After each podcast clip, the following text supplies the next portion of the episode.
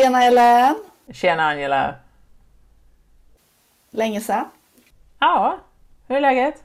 Ja men det är bra, det har ju hänt en del här på mikroalgsfronten så att det känns rätt eh, hot topic idag. Du känner att du är i ditt rätta element? Faktiskt, och jag skulle verkligen vilja prata lite om den här eh, katastrofen som har hänt i floden Oder. Ja, men det har ju varit på nyheterna så kör igång! Mm. Det har ju kommit en del nytt, men om vi ska ta, ta det lite bakåt och lite recapture så är det så att i slutet av juli i år, 2022, så flöt det upp eh, massa döda fiskar och eh, man hittade även döda snäckor, musslor och andra arter. Men det var mer än 100 ton död fisk som flöt upp på den här flodens yta. Det måste ju ha luktat för det har ju varit lite varmt på sistone. Ja, och det är ju också att privatpersoner var ju förtvivlade för att de fick inget stöd av myndigheten. Det här är i Polen då.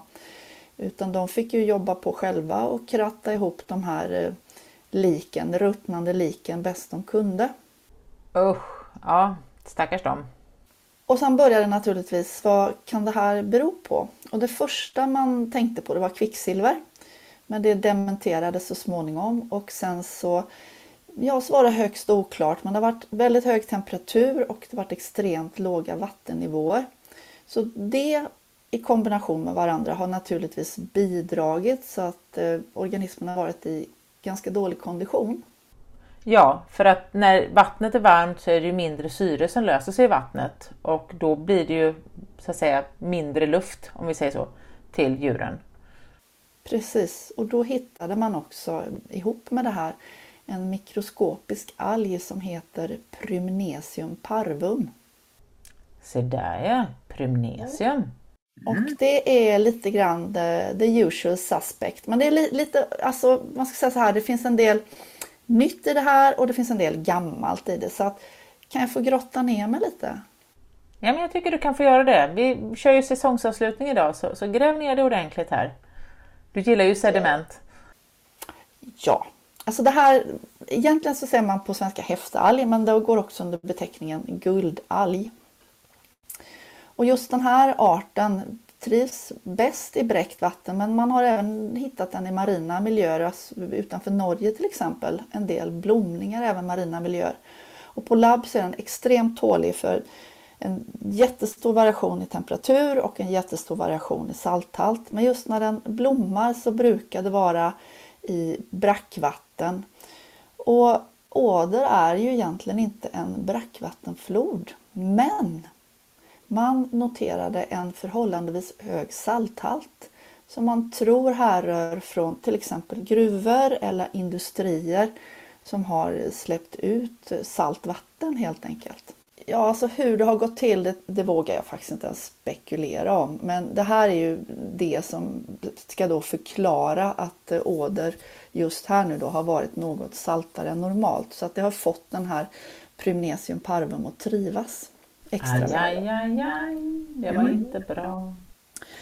Och sen har det då lyfts upp att det här är en flod som rinner ut i Östersjön och att det då skulle vara en katastrof, potentiell katastrofsituation för Östersjön.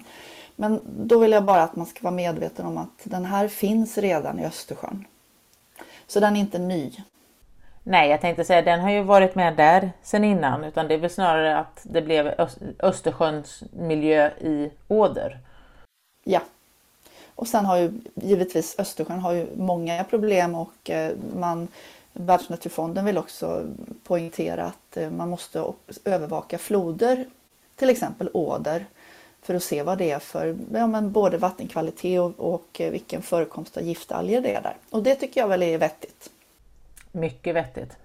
Men det här är som sagt inte nytt då, utan man har hittat Primnesium parvum även i Oslofjorden och även upp till Spetsbergen, alltså Svalbard i norr. Men just blomningarna, eh, de, för att det ska bli en riktig massförekomst föredrar den här arten brackvatten. Men man har 1989 omfattande fiskdöd i Norge. Alltså det var otroliga mängder av odlad fisk. Och de här bildar ett gift, den här gruppen. Och även ett släkt som heter Chrysochromulina som jag kommer att återkomma till ingår här. Och de har ett, ett när vi pratar dinoflagellater då pratar vi om specifika gifter. Här pratar vi om ett gift som är liksom mer allmänt påverkar cellmembran. Och just när det gäller fisk så, så är det så att de drunknar för att det påverkar membranen i gälarna så de löses upp så de kan alltså inte andas. Nej men gud vad hemskt, det blir lite grann som en, en kemisk lunginflammation då. Ja, det var ju en otäck jämförelse men ja, faktiskt. Och eh, i Norge har man koll på den här. För den har ju som sagt haft stor påverkan på fiskodlingarna. Med, alltså det är ju mycket pengar inblandat i detta. Ja, men jag kommer ihåg den här blomningen 89. Det var, det var nasty. Och sen då så hade vi ju en blomning. Kommer du ihåg det här? Chrysochromellina polylepis. Jajamän. Och vet du vad? Den heter inte Chrysochromellina polylepis längre. Nämen. Den heter Prymnesium polylepis. Hoppsan sa, det helt plötsligt ser vi att de är väldigt nära släkt då. Ja, det var väl första gången man känner att ett namnbyte kanske gav lite mer klarhet i tillvaron. Ja, nej men det är absolut. Vi har ju några sådana få exempel där de känns logiska. Men eh, Chrysochromelinan då 1988, det var ju en omfattande marin död runt Gullmarsfjorden och utanför Kristineberg i Fiskebäckskil på västkusten. Och sen 2019, då hade man eh, en, återigen en sån här katastrofal blomning av en Chrysochromellina i Norge igen. Och namnet, alltså ska man säga det på engelska, jag vet inte ens om man ska säga det på engelska, men kryssokromorna led bättre. men säger man det på latin så skulle jag säga Chrysochromellina ledbeteri.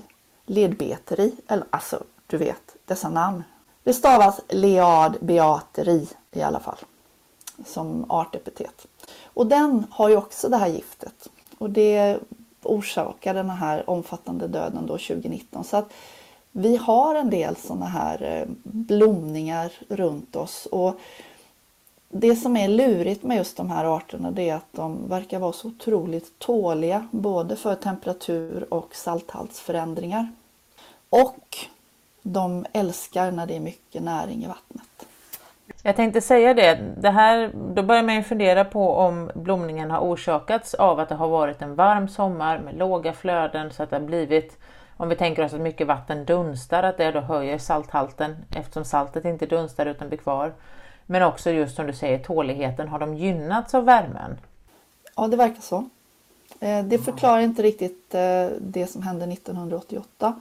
Men de här senare eh, giftiga blomningarna där vi har sett omfattande skador på marint liv då, kan det absolut eh, hänga ihop. Men det är också det här, vi pratar om tipping point, alltså både värmen, salthalt, allgifter. Alltså, hade det bara varit alggiften så kanske det inte hade varit så katastrofalt i order för då hade ju fisken simmat iväg.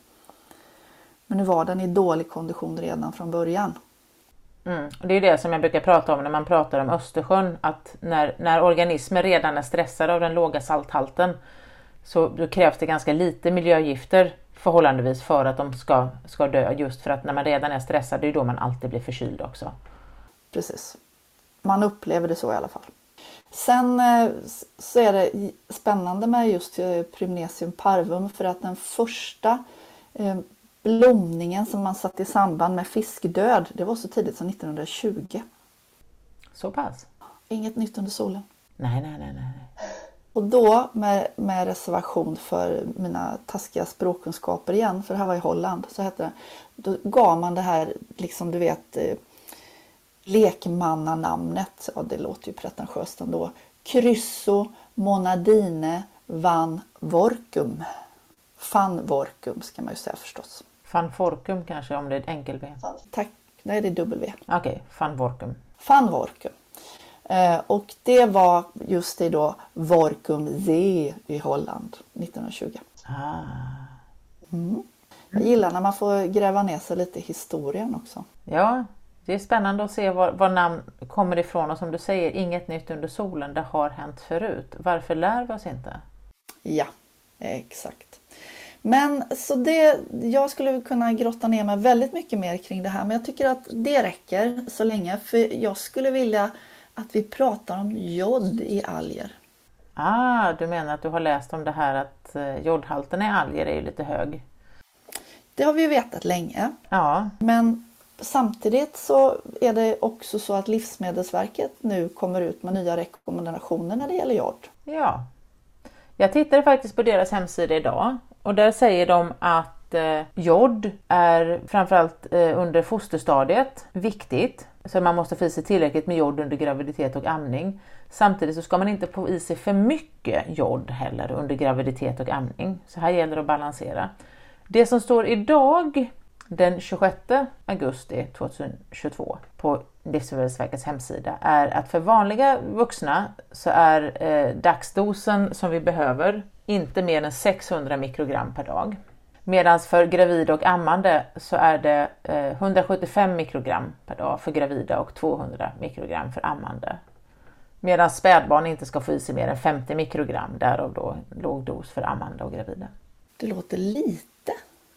Ja, jag tror det kan vara så att man har tittat på det här lite grann och så har man märkt att vi kanske inte ska få i oss för mycket jod. Vi vet ju att en brist på jod leder till struma som är en förstoring av sköldkörteln. Men jod, om vi tänker på vad jod står i det periodiska systemet så är den halogen, alltså det är inte jättenyttigt. Jag vet ju att i alger, så, alger krävs ju jod just som ett mikronäringsämne. Eh, så de behöver inte så särskilt mycket av det men de lagrar in det för att kunna vara funktionella och fotosyntetisera.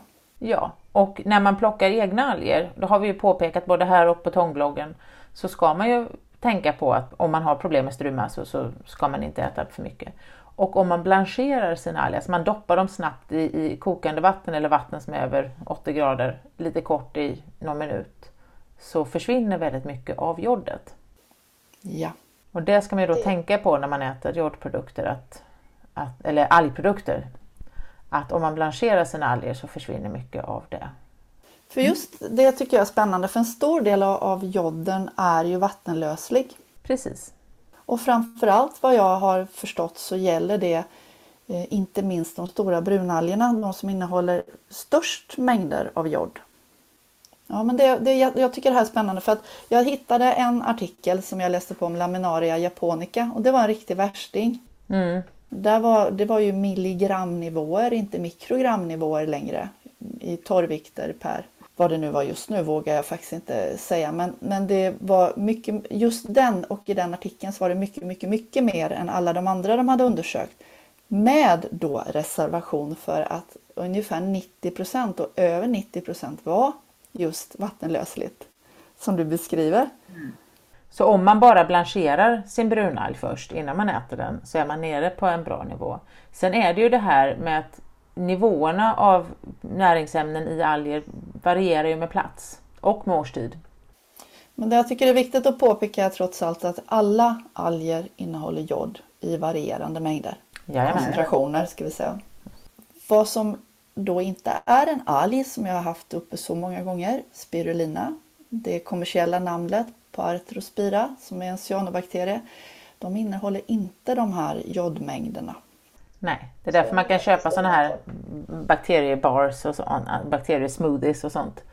Ja, och bakteriepiller. Som, ja, men det kan man ju göra om man vill. Annars kan man plocka alger själv. Jag rekommenderar inte att man går ut och filtrerar och plockar spirulina själv för där får man en cocktail av, kan man få en cocktail av giftalger på köpet. Eller även då giftiga cyanobakterier, även om de inte är många. Så är det onödigt att käka dem koncentrerad form. Nej precis, undvik att plocka mikroalger hörni, lämna det till Angela. Hon gör gärna sina egna experiment på dem utan att äta dem. Men eh, hör Ellen, eh, du nämnde säsongsavslutning. Hur tänker vi där? Ja, jag tror vi tänker att efter 22 avsnitt så behöver vi en liten paus. Och eh, vi ger inte upp, men, och vi lämnar er inte. Ni kära trogna lyssnare och det blir fler och fler hela tiden har jag sett. Vi kommer tillbaka. Men vi vill gärna ha lite tips också, vill vi inte det? Ja, lite feedback på vad som kan vara intressant att höra. Vill ni höra mer om kemisk ekologi? Vill ni höra mer om påväxtalger? Vill ni höra mer om... Ja, vad vill ni höra mer om? Ja, alger i moln. Alger i CSI. Alger i, ja men det finns ju, åh, det finns så oändligt mycket spännande grejer att grotta ner sig Vi har bara skrapat på ytan, eller hur? Ja, ja. Det här är ett djupdykarområde om något. Nästa säsong kanske blir lite nördigare. Kan det bli det? Men du Ellen, jag vet att du har en jätte, jättebra mailadress som du naturligtvis kommer skriva både på Tångbloggen och här. Men du kan väl säga den? Jag säger den. Om ni vill komma i kontakt med Algpodden så mejlar ni info at biologik.se Och då är det logik med K. Logik med K. Jättebra. Då ska jag genast mejla den och komma med förslag. Blir du förvånad om jag skriver mer kiselalger i podden? Jag kommer se att det är du som har skickat det. Äsch! Snälla bulvaner där ute, skriv mer kiselalger i podden. Man kan kontakta, det finns ett sånt där kontaktformulär på min hemsida biologik.se. Ja, jättebra eller kanoners. Jajamän. Eller så använder man sig av tångbloggen såklart. Där går det också. Men då är vi nöjda där så länge va? Ja, tar vi en liten paus, gräver ner oss i tånglitteraturen och ser vad vi kommer fram till att nästa säsong ska innehålla. Woho! Vi kanske har hittat lite gammal litteratur? Oh, ja. Det har vi. Ha det bra då! Detsamma du! Vi ses! Tjing tjing! Hej!